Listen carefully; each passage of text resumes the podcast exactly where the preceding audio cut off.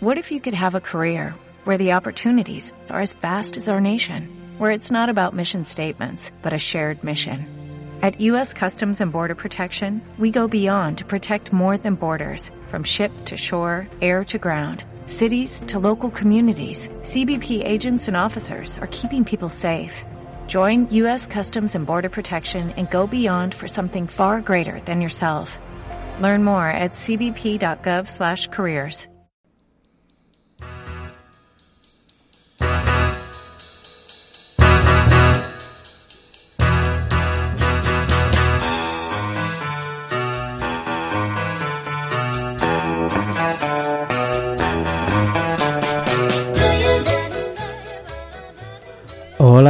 bona tarda i benvinguts a Final Alternatiu, un programa de cine.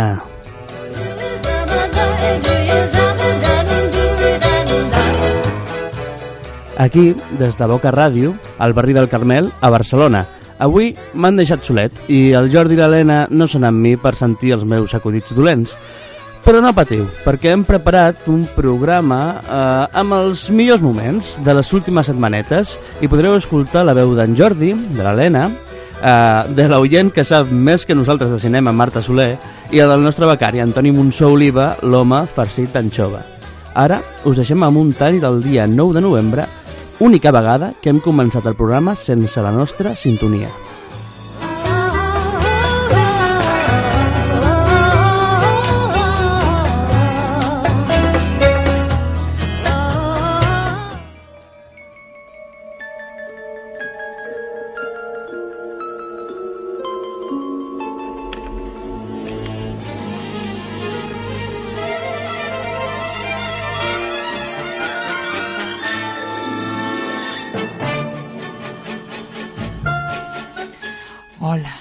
Terrorífiques tardes i malvinguts a Final Alternatiu, un programa de ràdio d'horror psicològic, guionitzat per Alfred Hitchcock, que ens va escriure el guió ahir, concretament des de la tomba. Aquí, des de Boca Ràdio, l'emissora situada dins d'un pou, que pertany a una cabanya del bosc que està construïda damunt d'un cementiri indi, on teníem enterrat a Edgar Allan Poe, al barri del Carmel, Barcelona.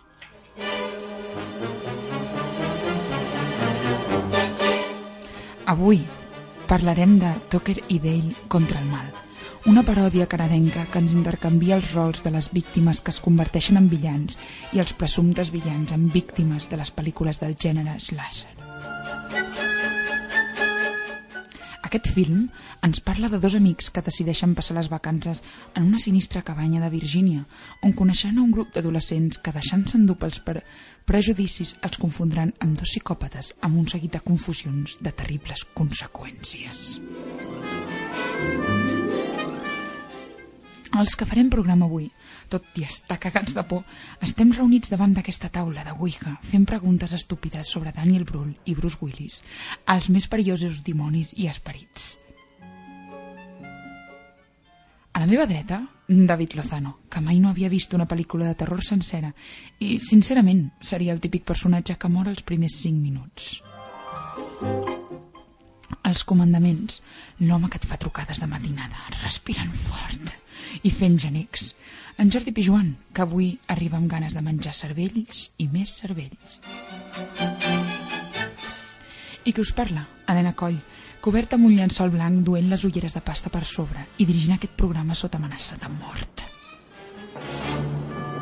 Ara us deixem amb la banda sonora principal del film, Little Big Town. I ara tornem, que hem sentit sorolls estranys al soterrani i anem a comprovar què ha passat amb la destral a la mà.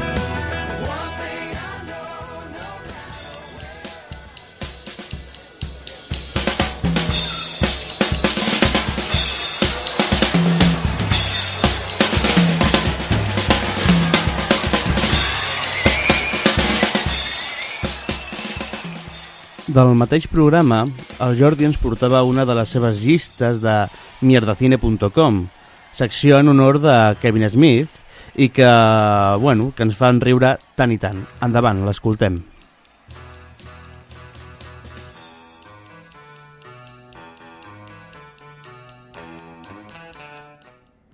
Hola nois, tornem a estar aquí. I com ja us vaig dir la setmana passada, us porto unes pe- les pitjors pel·lícules de terror de la història, on reobrim mierdacine.com. Sí, bien, visca. Per la nostra part, eh, us reto a una cosa, que és que adivineu quines eh, són reals i quines me'ls he inventat. vale. D'acord. Per tant, doncs, comencem. En, en desena posició, doncs, parlo de uh, Monsturt. De què tracta? Doncs d'un assassí uh, en sèrie que es va fugar d'en Jack Smith, uh, mort en estranyes circumstàncies en una planta de tractament del sistema metropolità de clavegueres, on, on un profund i fos problema uh, plana la ciutat. Després d'aquest horri- horripilant accident, en un laboratori doncs, d'estudis genètics doncs, vierten uns residus i que acaben utilitzant la claveguera. Com es diu Vierten en català? Verteixen. Vale. Ja està, ja està.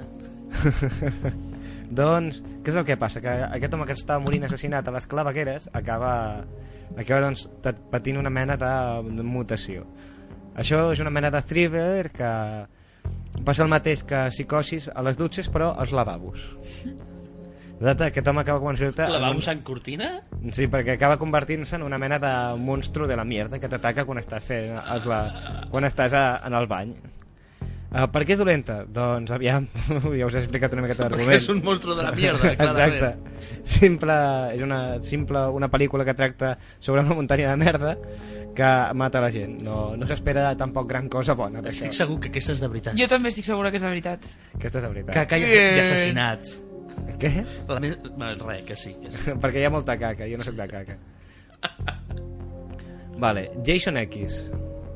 Aquesta, uh, vosaltres sabeu a la saga de Viernes 13? Ah, sí, jo no l'he vista, però sí, la Que- conec. No, bueno.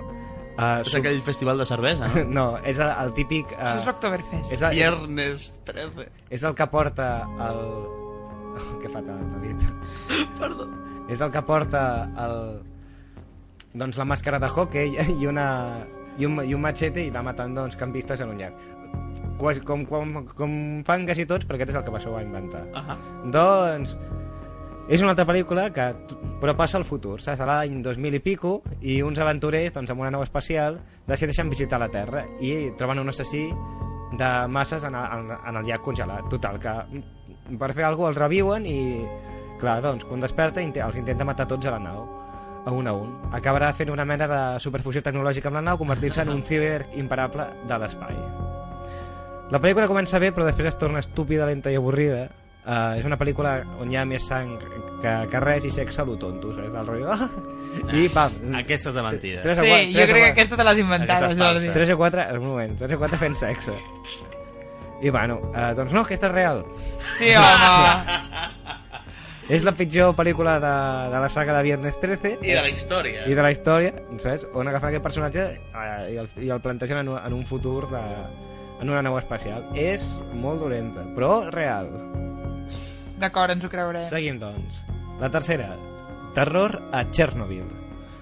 De què tracta? Doncs la pel·lícula passa, doncs, són sis joves turistes que contractats per un guia de... fan un, fan un tour per la pel·lícula. Ai, vull dir, ai per la pel·lícula. Falsa, aquesta és falsa. fan, fan un tour per, per la ciutat de Chernobyl fent cas omís de les advertències de... i bé, doncs acaben arribant en un barri a l'antiga casa d'uns treballadors de central nuclear de Chernobyl completament deserta des de que va passar aquell desastre fa ja uns 30 anys després d'una breu exploració de la ciutat abandonada aviat es donaran compte que no estan sols per què és dolenta? Doncs perquè, perquè és dolentíssima, perquè és incoherent. Per començar, ja a la portada surt una nena? Amb una mena de màscara. No hi ha portada! Xan, xan, per què has inventat aquesta pel·li? No, és real. David, jo Per- anava a dir que era real, eh? Per estadística, havia de ser aquesta. És la següent, és la següent. No, perquè aquesta la coneixem, la següent. Merda, és que tenim guió, oients, si vosaltres no teniu Exacte. guió. Bé, doncs, Quina cosa més això- paranormal. però això, a la, a la, a la portada hi ha una nena amb una màscara que passa tota la pel·lícula esperant que aparegui la nena i no surt, la fiquen, surt? la fiquen per morbo. Uala! Super injust. Bé, doncs, Freddy contra Jason. Aquesta la coneixeu, no suposo, perquè és Eh. molt... És relativament nova. Sí, sí. Bé, uh, Freddy Krueger està a l'infern... al final qui guanya? La humanitat, no? Ah, sí. Uh, Freddy Krueger està a l'infern i fa de, jaus, fa, de, fa de anys que va deixar, doncs, va ser queixat per els somnis i utilitza com a títere el Jason per, perquè el recordin. Total, no, és una pel·lícula sense gaire sentit i doncs el Freddy Krueger aconsegueix tornar a la vida i persegueix doncs el jove, a uns joves que estan implicats però és, eh, és bastant dolent, dolentota perquè el Jason és com un peón de, del Freddy i el Freddy el pinten com una persona incapaç de poder sorgir per ell mateix en comptes de... que és molt dolenta, no la recomanem següent Diabòlica Tentació Perdó, Ah, bueno. però aquest títol, o sigui, té tota la té títol de pel·lícula d'aquestes d'Antena 3 i Tele5 dels migdies, És veritat. el diumenge i el dissabte. És Total, veritat. eh? Quina meravellosa aportació. Segueixo, doncs. Diabòlica Temptació. De què tracta? Doncs... Uh, hi ha un grup de música... Uh, Indie, Oh, posa sí. el guió, indie. Sí. Indie. Indi, Sí, que- que independent porta- o plomes? no, no, el tipus de, de música. I porta, Sí, exacte, porta un, a, a una cheerleader, a una cascada... És el que està sonant, això és música indie. Déu meu. Exacte, porta una cheerleader que està ballant i l'ofereixen com a sacrifici a un dimoni, pensant que era verge, però què passa? Que no ho era. I clar, Error. el dimoni la posseix i decideix que, mat que haurà de matar tothom que tingui ganes de fer quiquis amb ella. Però la seva millor amiga haurà de lluitar per aconseguir uh, doncs, lliurar-la d'aquesta possessió. Jo l'he vist, aquesta pel·lícula. Aquesta pel·lícula és veritat. Aquesta pel·lícula és veritat. Jo l'he vist, aquesta pel·lícula. Que I què, forta què et va semblar? És Només hi ha sang i es tornen superbojos tots. És dolentíssima. És horrible. I a més la van fer per un canal d'aquests de... La vaig veure per un canal d'aquests de, de, de, de nens, crec, eh? O sigui, molt heavy. Quin és el teu joc? Que totes són de veritat? No, ara vienen les de mentira, ja veuràs. Aviam. Doncs, ei, que... Ai, què anava, què anava a dir? Que només vas veure la pel·li per Ah, la sí. Amanda Seyfried? No, que hi ha, un, hi ha una cosa que, que vull dir, que la primera pel·lícula que fa el Johnny Depp uh, és de Freddy Krueger, és la primera de Freddy Krueger. No dir. Sí, fa de tio que mor assassinat Ah, sí? Oh. per Freddy Krueger. I surt super jove, és la risa. I es va fer molt amic de l'actor del Robin Englund, que és el que fa de Freddy Krueger. Seguimos. 6. Uh, ovejas asesines. Uh, de què Vale, vale. de què, de què tracta? Uh, Henry té una granja familiar sense saber que passa alguna cosa terrible. A una causa del programa d'enginyeria genètica en què, en què treballa el seu germà, doncs acaben en, perquè vol crear l'ovella perfecta. Aquest és el seu mite, el seu, la seva meta.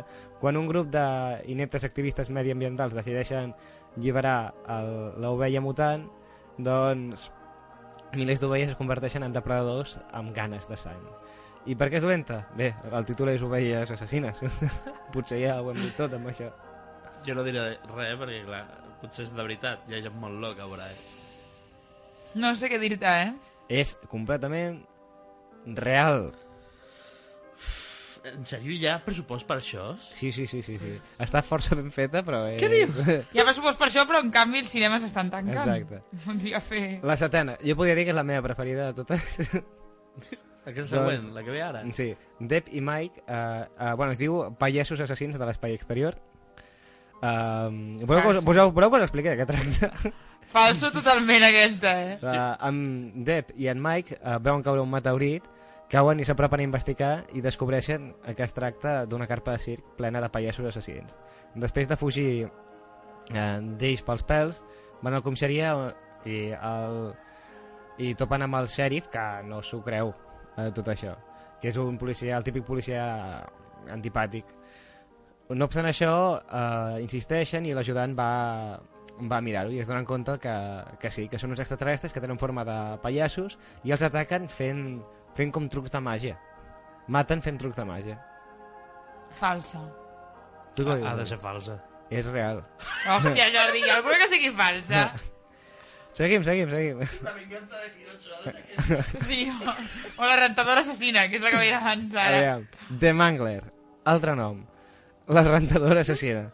L'argument és que una, una, és una rentadora que és posseïda per un dimoni. Va, digue, és aquesta. És falsa. Aquesta està escrita per Stephen King. Déu meu. D'aquella etapa en què ja li sudava tot, saps? I... Bueno, L'estiu, vols dir? a veure, Stephen King. Seguim.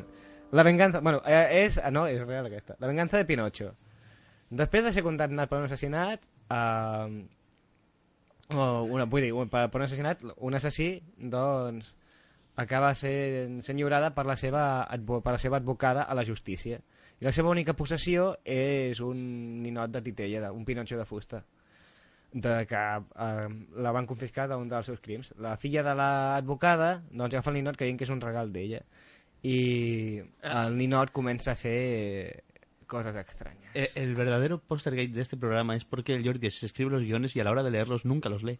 Siempre los interpreta en directo, diciendo lo que cree que tiene que pone, pero cambia las cosas de sitio. y de- eh, que que m'encanta, eh? ah, vale. Què creieu, aquesta és real o Aquesta ha de ser falsa ja per, per estadística. és la falsa? No fotis! Aquesta era, segur que és una número 10 que posa totes les de Chucky. Tota de Mira que potser totes les de Chucky són falses i no, jo no ho sabia. Que sí, que sí, que són, són dolentíssimes les de Chucky. Hòstia, puta. I bé, amb aquí acabo la meva uh, secció, amics meus. Us deixo ara mateix amb una miqueta de música i deixem a l'Helena, que ens faci una miqueta de cultureta ben fresca i terrorífica. Ara mateix, d'aquí un moment. Què opines, David? Així en general de la vida? Sí, sí. vale, doncs, doncs que, ostres, podries haver-la posat la cinquena, la falsa, no la novena, que era tota l'estona de l'olla. En fi, t'ho perdonaré. No, no, no et mataré aquesta vegada. Psicofonies. Hi ha psicofonies? Hi ha psicofonies Hi ha avui. cacofonies. Us deixem amb musiqueta. Fins ara.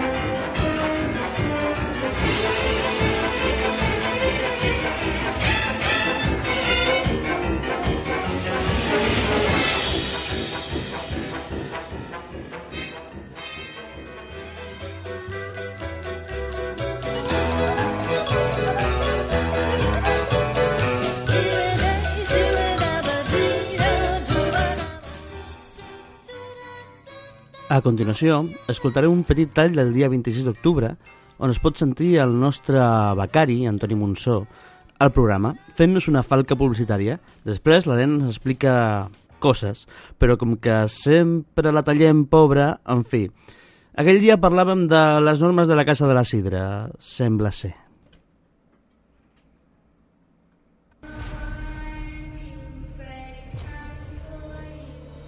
Dissabte dia 2, especial de Halloween a final alternatiu. Emetrem psicofonies de dos i mitja a 4 de tarda des de l'emissora de ràdio construïda sobre un cementiri. Never sleep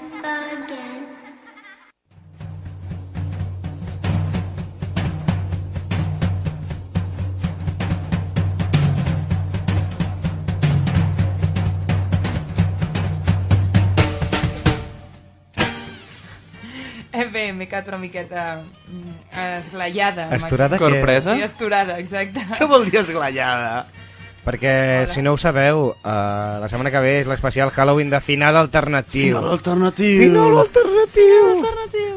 Ah! Vale. Tinc por. Però ara l'Helena passem a la seva secció que parlarà sobre els directors, sobre els, actors... No, els directors i l'actor. I l'actor. No, hi havia dos I actors. els premis. Bé, ah, gràcies, Toni. And the Bé, premi goes to... Michael Caine, evidentment. Michael Caine! A veure, tal com hem dit, la pel·lícula triada avui va ser dirigida l'any 1999 pel director suec Lars Sven Lasse Hallström, que va néixer a Estocolm el 2 de juny de 1946. D'entre la seva filmografia destaquen dues pel·lícules per les quals va ser nominat al Premi de l'Oscar al millor director, l'any 1999 mm, amb la pel·lícula que avui hem esbudellat i el 85 amb la pel·lícula La meva vida de gos i que s'assembla molt a la pel·lícula que d'avui. Un fet curiós és que Hallström va aprendre l'art del cinema treballant en el món dels videoclips, en concret amb el grup ABBA. Hòstia. Sí, Oh. sí. Després de l'èxit internacional obtingut amb La meva vida d'agost de 1985, pel qual va aconseguir la seva primera nominació als Oscars, Hallström va començar a participar en produccions estatunidenques. Resultat d'aquesta cooperació amb els estudis de Hollywood va sorgir A qui estima en Gilbert Grape, de 1993.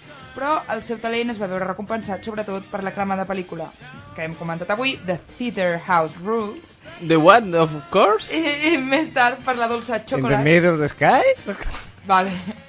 del 2000 que no he vist, però em sembla que és una d'aquelles pel·lícules que podrien passar a formar part de la llista de Puc Rainbows d'en David, perquè em sembla que és terrible. Home, jo amb el títol ja m'agrada, perquè no Sí, sé, sí. no? És com una cosa densa però líquida, Déu meu. Bé, seguim. Com la caca quan no vas bé de ventre? oscura, clar, xocolat, xocolat. Vale, Helena, ja? continua, continua. La posaré a la llista. Gràcies. Totes dues nominades als Premis de l'Acadèmia com a millor pel·lícula de l'any. Eh? Vull parlar-vos de la pel·lícula Aquí estima en Gilbert Grape, estrenada l'any 1993, absolutament mal traduïda, ja que el nom original és What's Eating Gilbert Grape. És a dir, que està menjant el Gilbert Grape. Amb aquesta pel·lícula, Johnny Depp A va saber. assolir certa fama i el jove Leonardo DiCaprio, amb 18 anys, va començar la seva carrera al món del cinema. Wow. Wow. Wow. Sempre parlant de bon cinema aquí, eh? A final alternatiu. Final, Final alternatiu. Tenim Sabeu que, sabeu que la setmana que ve és el dia, El dia el dia de Halloween? Què dius, tio? El Gwendolyn, dius? El, sí, el Holiday Nights. Saps que d'aquí a, a set dies exactament serà la setmana vinent? també, també. Sabeu que m'esteu tallant? Bé, la pel·lícula va obtenir nominacions als Oscars i als Globus d'Or, aquesta que diem de What's Eating Gilbert Grape, eh, com a millor actor en el repartiment de la seva personificació d'un adolescent amb endarreriment mental, que era Leonardo DiCaprio, i la pel·lícula... Endarreriment mental és una... Eufemisme. eufemisme. Bé, era un noi amb problemes mentals, jo què sé. O sigui, no, no, o sigui, he vist un tros d'aquesta pel·lícula, la veritat la podíem veure algun Odies dia. els negres, a la gent que té discapacitats... T'has sortit. La pel- prou, la pel·lícula tracta de la curiosa família Grape. En Gilbert, que n'és el cap de família, i alhora el germà gran, ha d'assumir la seva monòtona vida dividida entre la feina, en un petit magatzem, la seva amant, que a sobre està casada, i la seva dependent família. La mare d'ells pateix obesitat mòrbida a causa de la mort del seu marit i un germà... Un moment, Narni, un moment. De què va morir el seu marit? David. Se lo ha comido. I l'Arni, que és el que està interpretat per Leonardo DiCaprio, que pateix endarreriment mental, que no m'ho deixen. Endarreriment. Hem pensat el mateix, eh? Hi ha dues germanes més, però ai. Tanmateix, quan una diver divertida i lliure noia, la Becky, apareix, en Gilbert reconduirà la seva vida eh, després de cremar casa seva amb sa mare a l'interior. Vull dir, la pel·lícula és hardcore. Finalment decideix anar-se'n amb Mamà la... de barbacoa. La posem a la llista o què? Jo la vull veure, més que res per la interpretació del Leonardo DiCaprio. Ai, Ah, bé, ai golosa, xocolat, xocolat. tornant a la Brul, pel·lícula Brad de... Pitt, Leonardo. DiCaprio, s'ho fot tots. Hola. Tornant a la pel·lícula d'avui, aquesta es basa en una novel·la de John Irving, autor de molts bestsellers, i que surt en un parell d'escenes de la mateixa pel·lícula. Concretament, em sembla que fa d'un dels que està allà a l'estació de tren, vull dir, surt en plan... Ah, que guai, no ho sabia. Taquillero 2. M'encanta aquestes coses. És veritat. Eh, i Com es diu la novel·la? La pel·lícula, es- la novel·la es diu Príncipes de Maine, Reyes de Nova Inglaterra. Oh, boníssim. Jo ho sabia, jo ho sabia i m'encanta que es digui així. I bé, el mateix escriptor va participar en la creació d'aquest guió. Eh, mm, Buenas també- noches, príncipes de Maine. Reyes de Nueva Inglaterra. Bé, uh, d'altra banda, les novel·les de John Irving també s'han portat al cine, concretament eh, una altra que no sé si la coneixereu, però es diu El inolvidable Simon Birch, que és una novel·la d'ell... Com oblidar aquesta pel·lícula? No, no, us en faig memòria, perquè Sí, és una pel·lícula inolvidable. que podríem incloure a la nova llista. Merda, qui, qui... de veritat, eh? Bé, El personatge principal de la pel·lícula i que li dona nom és en Simon, que està interpretat per Michael Smith, i és un nen de 12 anys afectat pel síndrome de Morquio, un desordre genètic que, d'entre altres coses, causa ananisme. La història comença, si us recordeu, quan eh, Joe Bendeworth, que és en Jim, interpretat per en Jim Carrey, visita la tomba del seu amic de la infantesa, que és en Simon. En Joe explica que en Simon és la raó per la qual va creure en Déu, li explica en el seu fill. Aquesta escena és seguida per tota l'explicació de la infantesa dels nois durant la dècada dels anys 60.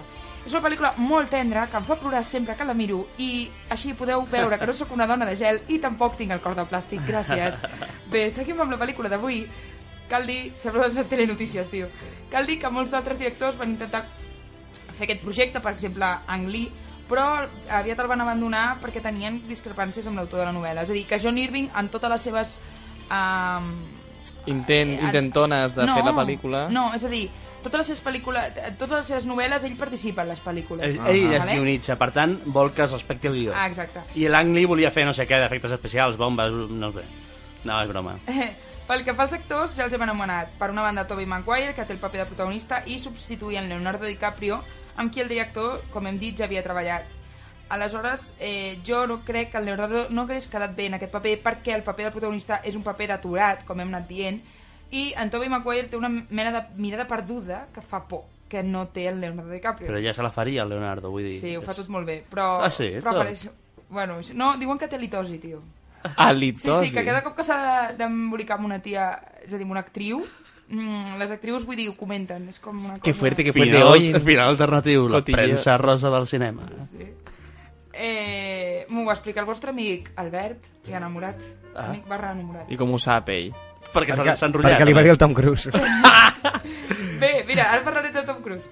D'altra banda, vull destacar de manera molt important la intervenció de Michael Caine, eh, que li va valdre l'Oscar al millor actor secundari, Olé. i, i que és, és un gran. En aquest cas, els Oscars van estar molt encertats.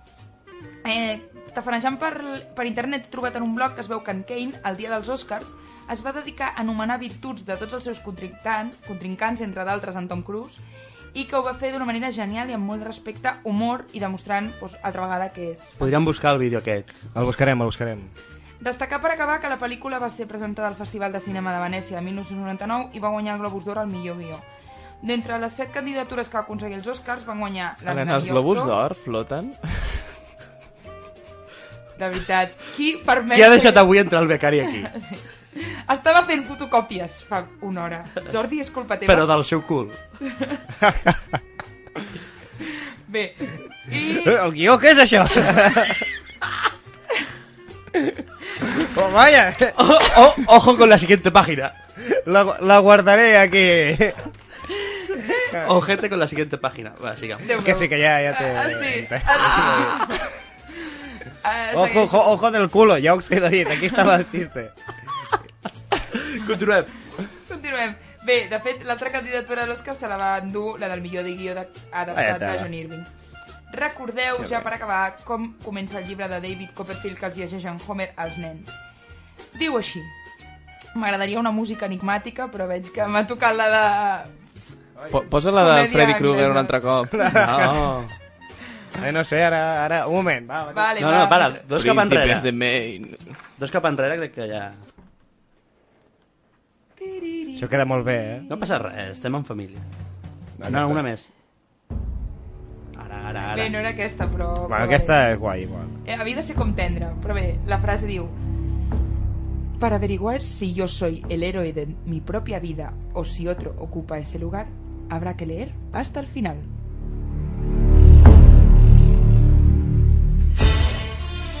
I ara us deixem amb un tema musical on també podem gaudir d'una genial interpretació de Michael Caine, que és uh, La Huella.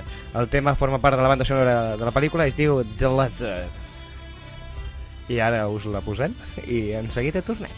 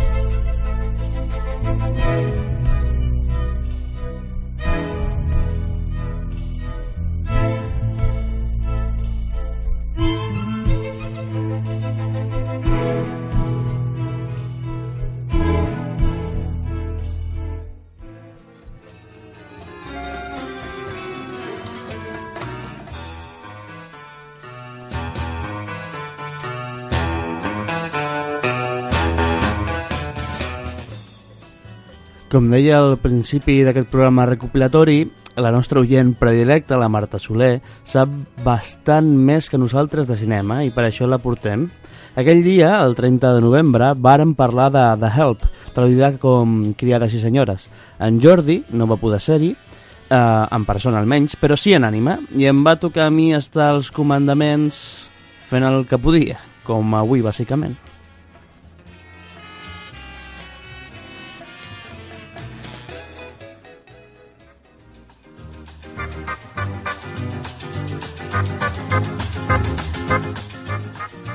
Hola y bienvenidos a la pasarela colección 2013-2014. Aquí vemos a David con un bañador típico para hombre de este verano. Se lleva la tendencia marcadita, ¿verdad, Jennifer? Jennifer se está partiendo. Jennifer no puede. A veure... Cómase mi mierda. A veure, què és això? Te l'he clavada, ara. Sí, ara sí. Bé, després d'aquest temazo, aquí diria temazo, perquè és llarg i és bona, vull dir, és molt llarga la cançó, però és molt bona. Uh, avui obrim pas a la secció de curiositats sobre el cinema. És una secció lliure, nostra secció lliure de sempre, però aquest, en aquest cas, Com que no és la secció lliure de sempre? bueno, sempre hi ha una secció lliure que les fa el Jordi. Però em és, sembla, eh, és lliure o no és lliure? Avui és lliure. Pues, com sempre. Ja. Bé, és igual. M'ha No me embolicat ratlles. Deixa'm. Bé, Marta, mm, avui ens ha vingut a portar la Marta sobre curiositats eh, del cinema molt interessants. Bona tarda, Marta. Ja t'hem has parlat abans, però torno a introduir, per qui s'incorpora ara. Um, sí, hola. Començarem parlant d'una pel·li del 1934 que es diu Sucedió una noche, protagonitzada per el Clark Gable i la Claudette Colbert. Com olvidar-los. Exacte. M'encanta El- aquesta música que estàs posant, David, deixa-la. El Clark Gable en aquella època i en aquesta pel·lícula estava com, diguem-ne, a la cumbre de la seva carrera. I um, en, aquesta, en aquella època era absolutament impensable que un home no portés samarreta imperi sota la camisa. Digue'm que aquesta dada va dedicada al Jordi. Totalment, totalment. Home, Que quan penses impro- en el Jordi que- penses en samarretes imperi. Que bé improvisa, eh? sí, m'ha sortit fatal segur. Contractada! Eh, aleshores, en aquesta pel·lícula hi ha una escena que el, que el Clark Gable s'està traient la camisa per posar-se el pijama i quan es treu la camisa no porta samarreta imperi sota. I per lo vist, eh, a Estats Units les ventes de samarretes imperi van baixar en picat perquè el Clark Gable no porta samarreta imperi. Que fort. Sí. és, que, és que eh, som gent molt... L'espècie humana som molt... Com es diu, tio? Eh, Dilo en castellano, te dejo. eh, no, es que no me acuerdo tampoco. Ah, vale. En inglés, en inglés, espera. en inglés. Que nos dejamos convencer fácilmente, tú. Sí. Borregos és la paraula que estaves utilitzant. que Sí, som, som xais. Ases, som xais. Ases, ases. Ases. Ases. Que, Um, Hola, que ases. Ja. Va, continua, sisplau. Eh, aleshores, bueno, uh, seguirem amb la pel·li Rebecca, que aquesta és dels, dels anys 40. És del Laurence Olivier i la Joan Fontaine. I la Joan Fontaine es passa tota la pel·lícula portant, bueno, una Rebecca, la, la prenda de roba. I diuen que el nom d'aquesta prenda de roba es diu així per aquesta pel·lícula, per Rebecca. T'he sentit. Sí, té sentit. Però jo no sé quina pel·li és. De quin any has dit? Del 40. Uau. Bueno, Sant Laurence Olivier és el que hi ha. Això és d'aquella Sí, que, època. el que porto jo ara és una rebequita, no? És Sí. una Ah, això és una de- rebeca? Ai. Sí. Bueno, Clar, hi ha una torerilla, també es diuen torerilles, perquè els toreros porten, de fet, aquestes... Eh, bueno, eh, Quin nom tan horrible. No, Sí, no, no has bastant. sentit tu el, el, el terme torerilla? Sí, Sí, Quan sí, es sí, porta- les, quan, Exacte, i jo havia entès que això... quan vas a un casament sempre te la volen Ah, vendre. Exacte. I, I aleshores això és la rebequita, vull dir, un jerseiet finet que Sí. porta botonets entremig, no? Sí. I que te'l poses. Sí, Exacte. Sí. Molt bé. Aleshores passarem, evidentment, a la jungla de cristal. Hombre... Jordi, t'estimem i et trobem a faltar. Molt. Red Ram! Red Ram! Que ens encanta. Eh, um, un, això me n'acabo d'entrar avui, he al·lucinat molt, que el guió de, de la jungla de cristal estava destinat a convertir-se en Comando 2. Uh, dos? Que hi ha un dos, comando uno? dos, exacte, o sigui, hi ha una part, hi ha una primera part que es diu Comando, que no sé quina pel·li és. Protagonitzada pel, pel molt. Brucey? No, no, protagonitzat pel Bruce no. O sigui, es veu que tenien un, volien fer Comando 2. I aleshores van dir, hosti, Jo ni això idea, no... eh, del que és comando, no, tampoc ni idea. Suposo que els fans del cine d'acció ens estaran matant ara En- mateix en per no Jordi, saber el que sí, és això. Exacte, en Jordi s'està s'està cagant amb nosaltres si ens està escoltant, que crec que no, però... Eh, I... I aleshores era com, tenia que ser Comando 2 i deurien dir, ostres, potser Comando 2 no es vendrà. Algú deuria pensar aquell dia Sí, sí. i van, i van decidir fer la genialíssima pel·lícula La jungla de cristal. Molt bé, aquí un altre fan de la jungla de cristal, que la, la portarem el dia que fem la jungla de cristal. I 1, parlem... 2, 3, 4 i 5. Sí, parlem sobre els drets dels policies retirats, perquè socialment aquesta pel·lícula no... Un geriátrico. No, Bruce Willis. Ostres, saps què volaria, David, que posessis un tràiler de Bruce Willis o algú per l'estil? Sí. Il·lustraria. Nen, vols dir... O sigui, l'estic buscant de fa una estona i no sé on té el Jordi res aquest ordinador. Ostres, Jo, jo de fet veig el, el Bruce Willis, no sé, d'aquí quan tingui 70 anys, fent una pel·lícula d'aquestes en un geriàtric barallant-se amb un taca-taca. seria tan ideal. Mira, el Jordi m'ha deixat uns clips aquí. Puc posar un, només, a veure què passa? Sí, a veure què passa. Va. Ràpidament, eh? Sí, sí. D'acord. Ostres, David, doncs perquè estic aquí, estic, sóc real, que no em veieu, home. Hola, hola, sóc real, tangible i estic aquí a l'estudi. Podeu fer-me qualsevol pregunta que la respondré perquè, perquè sóc físic i, i, i estic aquí a l'estudi. Buah, que puto amo. Genial. Bueno, voleu fer alguna pregunta o què? Uh, Jordi, tu què n'opines de, de Comando 2? Vull dir, de la 1.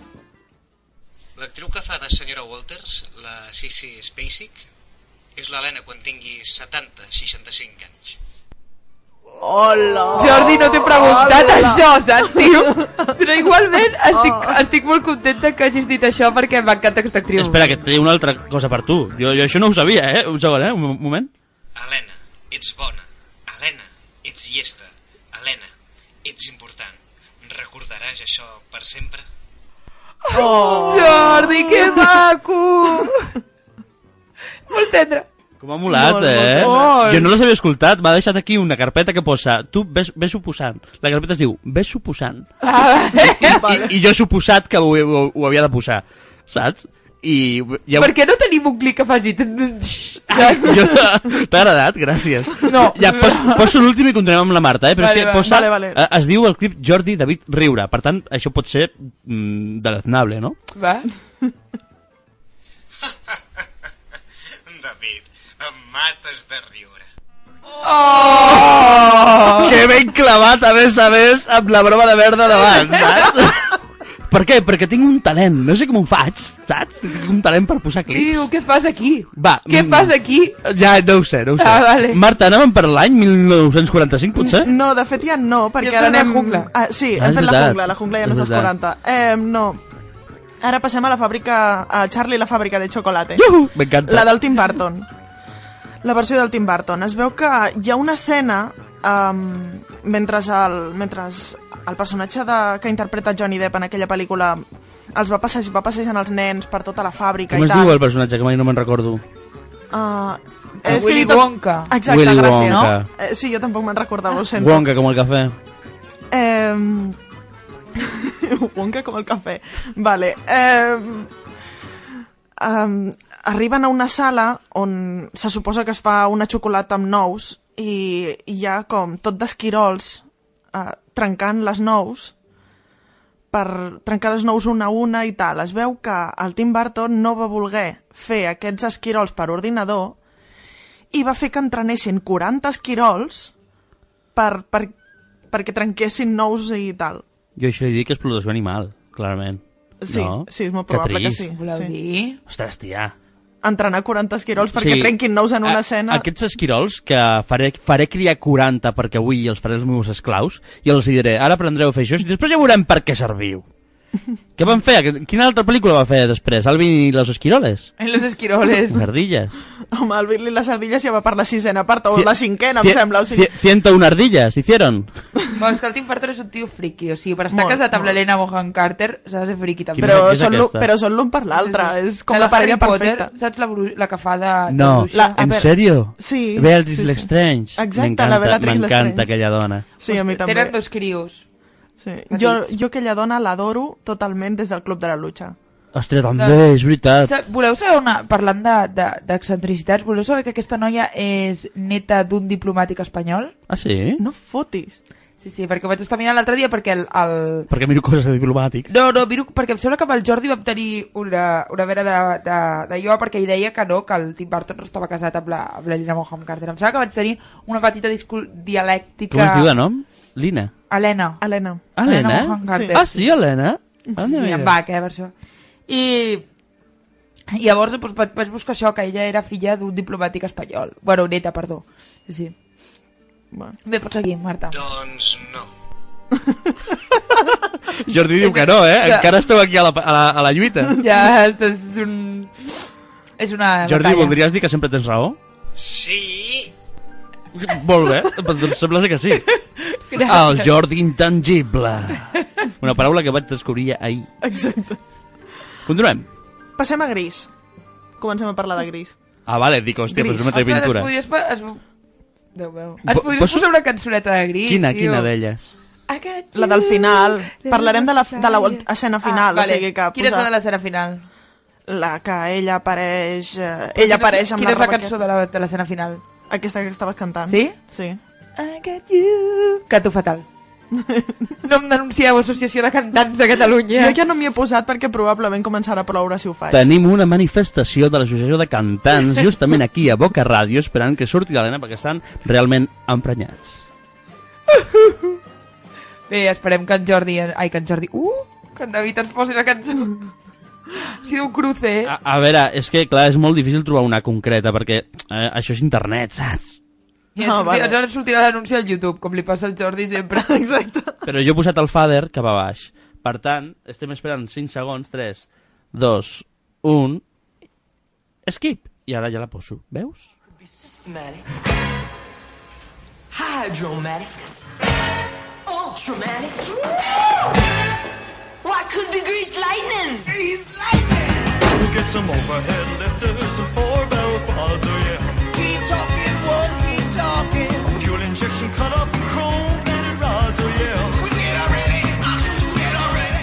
Bé, Marta, que Aquesta no és la cançó final, No. però vale. Eh, sí, o sigui, a la- a la- a l'escena final, la, la Sandy, el personatge de l'Olivia Newton-John, apareix de cop i volta vestida com una... com una... El com David està ballant. Sí, el David està ballant. Um, apareix vestida així... Així en plan, bueno... Sí, bueno, com, com dient-li, oh, jo també sé ser dura i no sóc una pamfi tot el temps. Amb una mena de vestit de cuir. Mm, Diria que és licra. És licra, allò? Sí, Sí. sí. sí perquè allò s'apreta com un... Bueno. Doncs es veu que l'Olivia Newton-John aquesta roba la tenia per casa. I el dia que havien de, roba, de rodar aquesta escena es va posar aquesta roba perquè va pensar que anava bé amb l'escena i es va pentinar i es va maquillar ella a casa i va aparèixer en el set de rodatge ja així. Ah, ah, podria ser veritat, eh? A mi aquestes coses m'encanten quan No, diu sí que és veritat, de repente se le ocurrió que, xan, xan, com allò del Jack del Resplendor de, de Aquí està Jack, que havia de dir bu, Ja. saps? Si penses, si de veritat és així, paga la pena. Sí, sí. Bravo. Sí. Um, I es veu que la, la cremallera d'aquests pantalons no baixava. I mentre estaven rodant, mentre estaven rodant aquella escena, a sobre la cremallera es va, va patar, o sigui, es va trencar del tot. I li van tenir que cosir els pantalons. I va rodar tota aquella escena sense poder-se treure els pantalons en tot el dia. Es va fer pipí a sobre? No, però em sembla que no va beure aigua amb tot el, amb tot el dia. Però això ja de normal, segurament era una d'aquestes... Bueno, No, a veure, jo vull remarcar que estava molt prima, aquesta noia. Sí, és Eh, maco, eh? I aleshores, ostres, que els pantalons no li anessin devien ser uns pantalons molt, molt estrets. Però vull no, dir saber bueno, que sí anaven, era la cremallera que fallava. No, bueno, que li Sí, devia que patar. la cremallera fallava i es va que patar, patar no? Ah. i, i van tenir que apanyar-ho. Molt bé. Quin és el següent? De fet, mentre estàvem parlant d'això se m'ha acudit un altre. Quan Ah, ha i dit les frases improvisades, um, a, a Star Wars, quan quan um, estan a punt de congelar el... Jo sóc poc. El, el Han Solo a la carbonita. Gràcies. Sí, quan estan a punt de congelar el Han Solo i la carbonita i li diu a la princesa Leia i la princesa Leia li diu te quiero i ell diu lo sé el lo sé s'ho va treure el Harrison Ford de la màniga tenia que contestar-li a la princesa Leia també te quiero però el, el Harrison Ford va dir lo sé i com que al director ja li va semblar bé doncs ho van deixar així M'encanten aquestes llicències que es permeten als, als, als actors, són molt divertides. Sí. Però creieu que és veritat? Sí, home, sí. No sé, a mi m'ho han No? explicat, això, no sé. Jo crec que sí, per què no? Jo crec que és una mica patillada, eh? Patilladilla. Sí, per què? És que David és molt escèptic amb tot. Clar, perquè jo, jo, jo el que penso realment és que si jo fos un guionista allà, que tinc temps de pensar, que veig el Harrison Ford, que ja he vist les pel·lícules com són, que el Han Solo és un xulo, el personatge, i què passa? Que és molt de màrqueting i molt de George Lucas dir, va passar això. bueno, bueno, deixeu-me, jo sóc La així. història, la història era guai, eh? l'has espatllat. Uau, perdó. Li has tret màgia. No, el que va passar realment és que el guionista, que era un net de la Sofia Coppola... No cola, no? No cola, No estimats cola, oients. No cola. Un net de la Sofia Coppola. Sí, bueno, podia que viatgen al temps perquè va, Ah, va vale. agafar el DeLorean. Tot s'ha d'explicar aquesta ràdio? Sí, tio. Sí. Um, bueno, ara passem a, també a purpurines i unicornios. Ui, això li encanta al David. Sí, es, parlarem del diari de Noah. Es veu que el Ryan Gosling va aconseguir el paper Ah, doncs, doncs ho sento, Ryan. va aconseguir el paper del diari de Noah perquè el director volia algú que no fos guapo. O, o el director tenia un, un pelull, o no ho sé.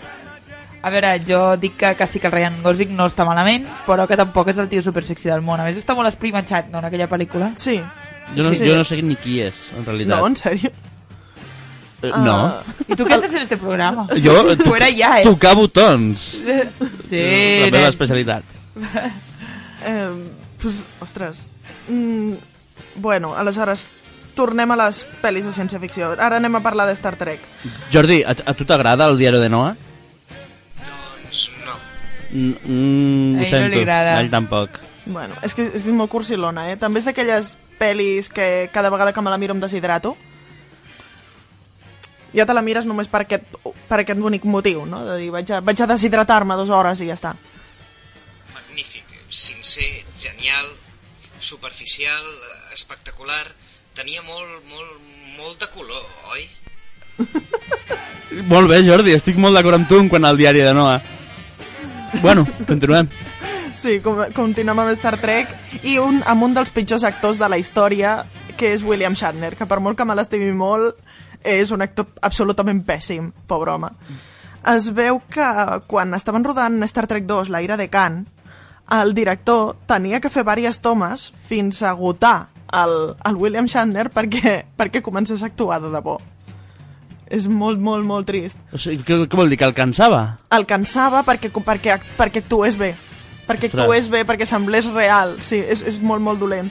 De fet, eh, de fet el William Shatner, i si hi ha algun oient fan de Star Trek, ho sabrà.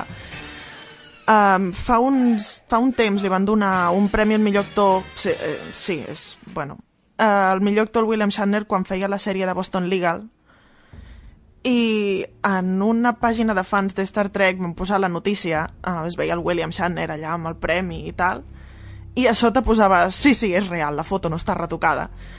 És que Al peu de fotos posava això? Al peu de foto posava això. Però és que, a veure, per molt que a mi m'agradi Star Trek, és que si et mires les sèries originals, realment el William Shatner és que ho fa fatal. Però qui és de tots? El Capitán Kirk. Ah, no me digues. Sí. Vaya és, és, és el pitjor actor de la història. Però que el director hagi de cansar-lo perquè realment ho faci bé és molt trist. Mola, bueno, si jo fos el director seria super orgullós de mi de veure que he contractat un inepte, no? I, i que tinc una forma de manipular-lo, però sí, és bastant trist. Molt. És bastant Kirk. Molt, molt. És, és més trist que la Marilyn que arribava, que arribava com 5 hores tard als rodatges. Molt diva, no? Molt, diva. Molt. No, no, de fet sí, o sigui, arribava, es veu que arribava a l'hora que li donava la gana, no recordava mai els guions, era, era un desastre, es veu que treballar amb la Marilyn Monroe era una pesadilla. Però no deien que en realitat era una dona superintel·ligent? On, on estem? O sigui, què, què estem... Bueno, es pot ser intel·ligent i sudar de la vida, eh? Sí, món. no es pot ser intel·ligent ni oblidar-se dels guions. Es veu que sudava, que s'estava... Bueno, devia passar, devia pensar, jo, jo con lo guapa que soy, em contractaran igual, em sàpiga el guió o no. Exacte. Entonces, aquí. Però es veu que, bueno... Després parlarem de com fa el Desert Loco, o sigui que aquest tema també el, to el tornarem a tocar. Eh, ara passem a Slamdog Millionaire, que aquesta pel·lícula ho sento molt però no l'he vist. Està bé, eh? A mi em va agradar, vull dir, no ho sé, és així, mig musical, però està bé.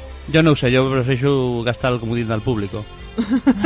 Molt bé. Es veu Gràcies. que el munt d'excrements que salta el Jamal a Slamdog Millionaire estava fet de, man de mantequilla de cacaueta i xocolata. Que rico. T'imagines caure allà? Mm, Que rico.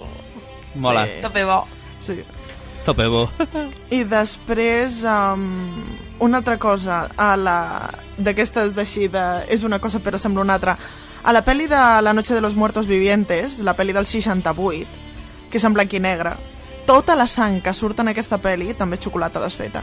Que rico. Clar, perquè com és en blanc i negre no importa. No importa. La viscositat Clar. era més o menys igual i, i com que tampoc es notava, doncs és igual. I era més barat. I els hi sortia... Sangre. Exacte. Els hi sortia més barat, ho suposo. Um, després uh, passem a Alien, que és una de les meves pel·lis bueno, Preferides? preferides sí, de sempre és, és, bueno, és una obra d'art m'encanta en aquella escena hi ha la famosíssima i impactant escena de que estan tots menjant a la nau i de cop i volta el John Hart comença a convulsionar i s'estira sobre la taula i aleshores comença a convulsionar i li surt l'alien de la caixa toràcica i tot explota i, bueno, i sang i vísceres, etc. Es veu que als actors no se'ls va avisar de que això passaria. O sigui, es nota la sorpresa, sigui més Mola. natural. Mola molt. De fet, hi ha una pel·lícula que crec que una vegada la vam comentar, on el director agafa, vale? i eh, agafa els seus actors, que tenen no un guió sencer, sinó només el guió de la part que li toca a ells, i una idea lleugera del que els altres volen. I aquí interactuen. I aquesta pel·li l'hauríem de veure, l'hauríem de fer el programa, perquè és Tant. novedosa tècnicament, parlant. Mm, I tant, i tant. Uh, I cre crec que l'interpreta Batman. Vull dir, Ben Affleck. és que ara m'he liat. Crec, eh? Potser si no és Ben Affleck és un, el primo, Matt. Que, Jo no que, sé. que dolorós el Ben Affleck de Batman. bueno, um, de fet, jo vaig sentir algú semblant a això amb la pel·lícula Rec. Ai, Marta, l'altre dia vaig pensar en tu, saps que fan la... estan gravant l'última part? Bueno, Sí, sí, clar, clar, ah, hombre, vale. estic, estic, estic al tanto li, coses. li diràs a la Marta. I um, es veu que amb Rec també, o sigui que, per exemple, ells tenien el guió de que tenien un, que fer un, com un recorregut de dos pisos Tenien per que aquella fer? escena. Perdó. Eh, la noia havia de... Havia de no. Perdó, m'has donat tensió. És que ha sigut boníssim, tenien cafè, no?, de dos pisos, uau, quant Tenien cafè. fer un, com un recorregut de dos pisos per aquella escena. I ella no sabia en, ella no sabia d'on li sortirien els zombis ni... Ah, que guai, Sí, o sigui que que, guapo. Perquè, diguem-ne, s'espantés de debò i estigués espantada de debò. I quan l'escena que, al final, que ella està totalment a les fosques, ella està a les fosques de debò. O sigui, ella realment en aquella escena no veia absolutament res. Que I el boníssim. monstre final... O sigui, clar, sabia que hi havia, però ella no sabia on era, no... res. O sigui, que a la pel·li del silencio de los corderos, de fet, un dels fallos és que al final, quan se suposa que que ella està a les fosques i tal, veus una sombra a la seva esquena. O sigui que es veu que ella està actuant perquè fem veure que està a les fosques però no ho estava. Hi ha un moment, Ah, un fallo, mira. però és un segon de res, que només, bueno... Errades s'ha- tècniques. Exacte, però no es veu, o sigui, si veus la pel·lícula no es veu, però el que passa és que algú s'ha dedicat al YouTube a posar-ho fotograma a fotograma, saps Sí, què vull dir? no, hi ha gent molt, molt avorrida a que casa seva. passen, Sí. Bé, Marta, quines tres o quatre anècdotetes tenim que després passarem a, Sí. una secció, a la secció cultural d'aquest programa de sempre? Doncs mira, passarem a Django i amb el Leonardo DiCaprio. Mm. Leonardo. Um, hi ha una escena del, de Leonardo DiCaprio que està, havia de parlar ell sol una, una escena quan, quan estan a la casa d'ell i ell se n'adona compte de que, de que ells dos, de que els dos protagonistes l'estan enganyant i comença a enfadar-se i tal. Hi ha un moment... Cuando dice que... lo de hasta ahora tenían mi curiosidad y ahora tienen toda mi atención. Algo no, así, no, no, no, després, Ah, quan, quan estan sopant. Ah, la, Quan la- estan sopant, que ell s'enfada i dona un cop a sobre la taula i es fa sang a la mà, Ajá. aquella sang és de debò. O sigui, no estava prevista l'escena. I el tio estava fent l'escena i de cop i volta es va donar un cop a sobre la taula, va trencar un plat o alguna així i es va fer sang a la mà, es va fer un munt de punts i tal. I el tio va acabar l'escena com si no hagués passat res. I tothom se l'estava mirant en plan totalment flipats, tothom flipadíssim, i el tio va seguir l'escena com si no hagués passat res. Gran, gran Leonardo DiCaprio. Sí. Jo Home, mo- comento aquí el programa la, la seva evolució com a actor. Mola, és molt èpic, però, però vull dir... Però que després a les pel·lícules, si t'hi fixes, no té sentit perquè després el veus amb la mà super embanada i no acabes de tal. I és que, clar, després va haver d'anar a l'hospital i van posar punts, tota la Però tal i com és el, el Tarantino devia dir uh, esto es mi material fa favorito, saps? Devia dir, seguiu l'escena ja, ràpid. El Tarantino pensaria, llàstima que no sigui el peu que s'ha fet sang. No, peus- Exacte, el Uh. fetitxe. Sí, no sé què passa amb els peus, amb aquest home. Um, bueno, tenim temps per un parell més o... Si vas super ràpida, sí. Vale, pues explicaré ràpidament lo de la Reina d'Àfrica perquè és molt graciós. La Reina d'Àfrica, pel·li de... pots fer només la reina d'Àfrica i ja està. Sí, en, en saltem com faldes i a lo loco, què digueu? Sí, va, és A igual. mi m'agrada molt això de saltar faldes, i el loco. Uh, bueno, uh, La Reina d'Àfrica, pel·li de la Catherine Hepburn i el, i el Humphrey Bogart, boníssima, per cert. Um, es veu que la Catherine Hepburn es va passar tot el rodatge bevent aigua com a protesta perquè el John Huston i el Humphrey Bogart li donaven el whisky molt. Però, uh, digue-li karma o el que vulguis, es veu que l'aigua estava en mal estat i tot el tothom, pràcticament, va acabar fatal i supermalalts, excepte el, el, el director i el Humphrey Bogart, que com que li donaven el whisky tot el dia estaven bé. Otra vez el whisky salvó el mundo del cine. Exacte. Sí. Ostres, Marta, ens han encantat aquestes anècdotes que ens portes, eh? Et convidarem més sovint. Quan hi sigui el Jordi també, perquè si podeu fer el programa vosaltres dos. El David i jo ens quedem un racó callats. Bé, eh, per acabar aquesta secció i passar a la següent, el David intentarà fer jocs de màgia i de mans, amb, amb dues coses, per parlar a la vegada que controla el so eh, amb la secció de cultura. Per tant, us deixem amb el tema Don't Know, interpretat per The Stample Singers, i això vol dir Gospel del Bo. You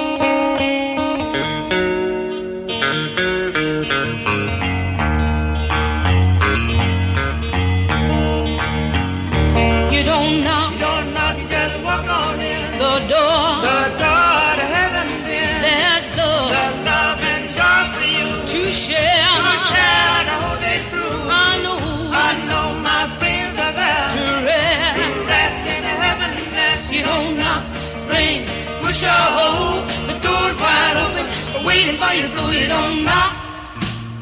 You just walk on in. I'm walk right winding road. Oh yeah, Short to read this slow. oh yeah, Travel both night and day. oh yeah. So tired,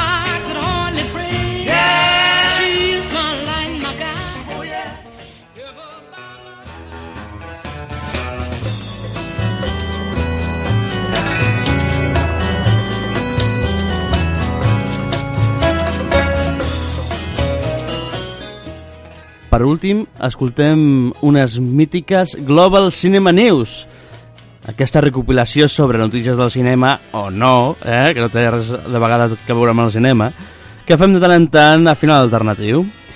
Juntament en, amb un dels èpics acomiadaments del Jordi Pijuan. Però encara, eh, abans d'acabar, comentaré un parell de cosetes eh, de la setmana vinent. Per tant, gaudiu i fins ara.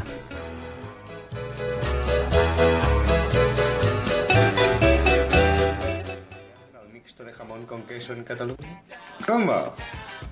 Bikini. Joder, no me jodas. ¿Es debido al jodido sistema métrico? No, joder, los catalanes están locos.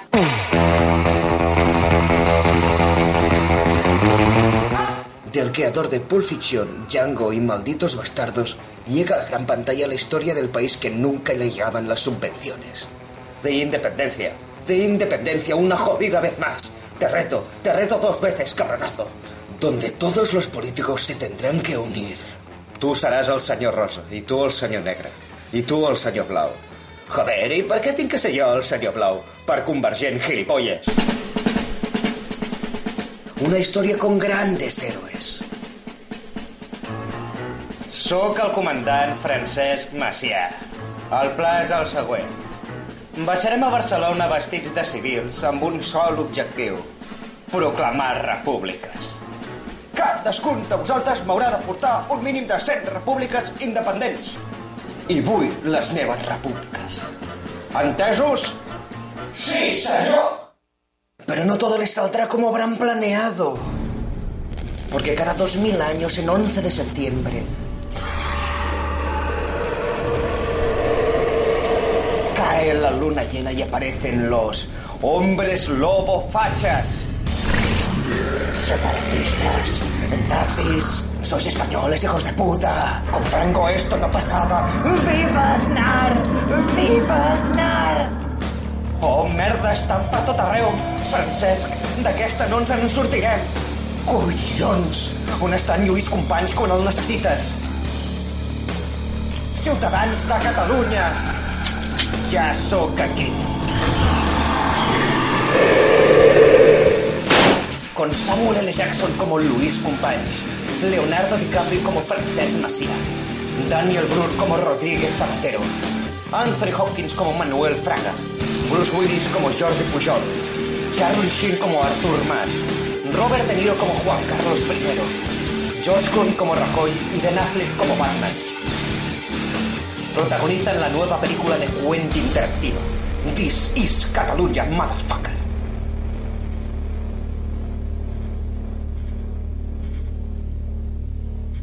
El próximo 30 de enero en Final Alternativo. ¿Y sabes qué le ponen al pan? ¿Qué? Tomate. Joder, no me jodas. Lo bañan en esa mierda. Joder.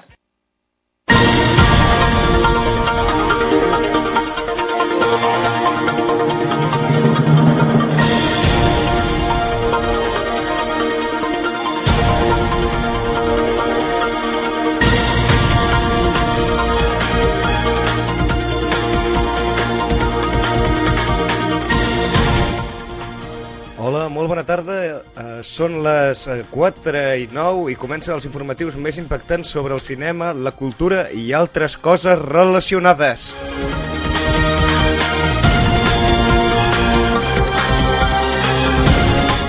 Soc Michael O'Brien i amb tots vosaltres les Global Cinema News.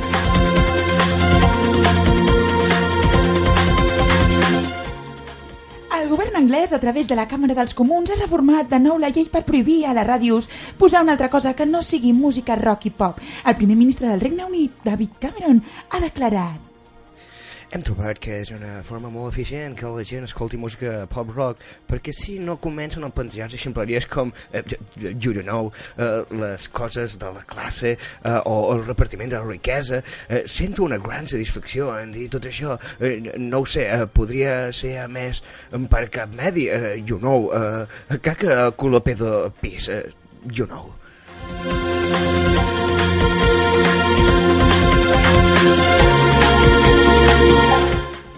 I per últim, i en petit comitè, ha afegit que no té res a veure amb el guió que el seu cosí, en James Cameron, va fer servir per explicar la història del Titanic i demana perdó a tota la població mundial per aquesta raó. Clarament no podria haver pujat a Leonardo DiCaprio a la fusta no, per no morir.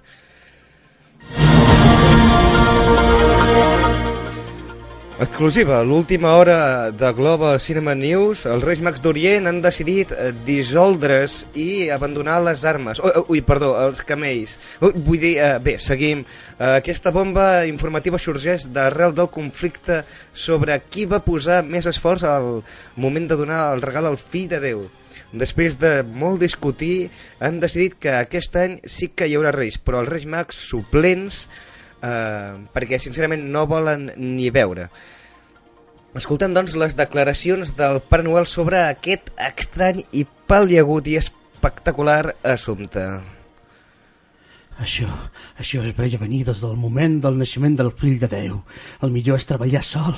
Soc com un llop solitari i entro a casa teva. Tu no em sents i et veig dormint. Et noto respirar. Sé el que somnies. Obro el sac i deixo els meus regals. Aquest és el territori del Pare Noel. Em bec el conyac, miro els teus pares, els hi frego les cames... Mm. La teva mare s'ha engreixat, no? Com m'agrada olorar-los i foto el camp d'allà, així s'ho fa el Pare Noel. Ho, ho, ho, ho. Per l'altra banda, el rei Melchor ha deixat aquestes declaracions en la seva defensa.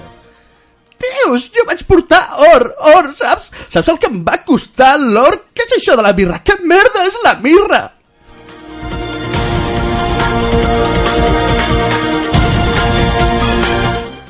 Nou film revelació del director, productor i seductor Tim Burton, que ha començat la preproducció del seu nou, nou film con la crisis en los talones.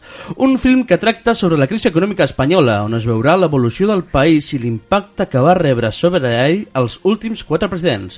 Us avancem que en Rajoy serà interpretat per Bill Murray, José Luis Rodríguez Zapatero per Johnny Depp, i es sospita que una de les seves filles serà interpretada per la seva dona, en a ratlles, en José María Aznar per Tom Selleck, qui recordem per la sèrie Magnum, i Felipe González per pel ja difunt Leslie Nielsen, que haurà de sortir de la tomba. S'està rumiant altres possibles títols com Murieron con la crisis puesta, La jungla de Crisistal o Recortator i el juicio final. Uh, la pel·lícula és producció nord-coreana, està íntegrament rodada a Londres i escrita en un idioma prou desconegut del sud-est asiàtic. Com a guionista, Lars von Trier, que diu el següent.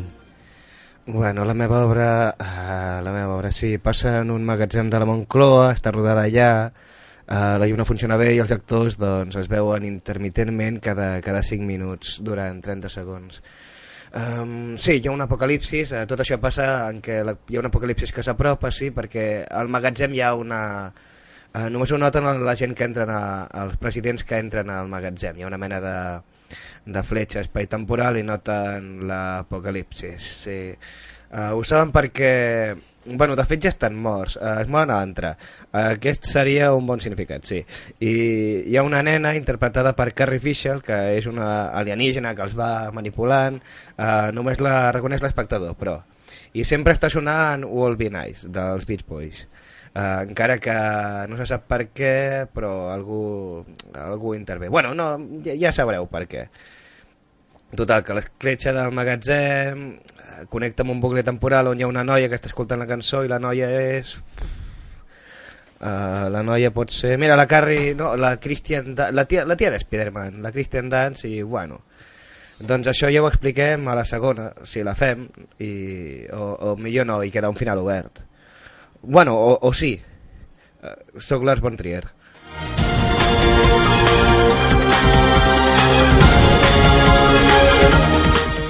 Uh, S'acaben els informatius i tornem amb final alternatiu. Ens veurem la pròxima uh, setmana. Que tingueu molta sort.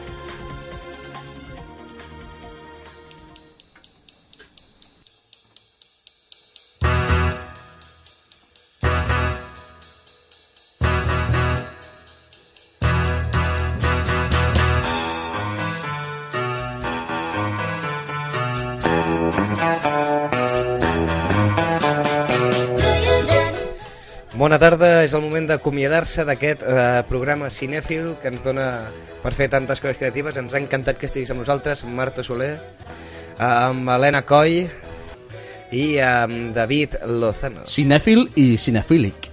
Exacte, que és una enfermetat, això, no? jo sóc Jordi Pijuan i ens veurem la setmana que ve.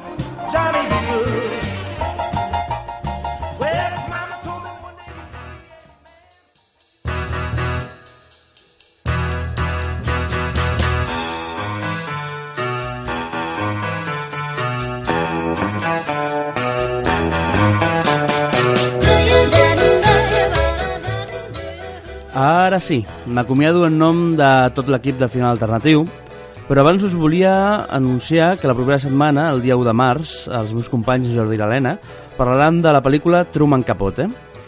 A més, justament al març, l'associació La Dinamo comença el seu cicle Ironia en temps de crisi, cinema satíric, que dura tot el mes i del que anirem parlant a Final Alternatiu. Adeu i bon cap de setmana.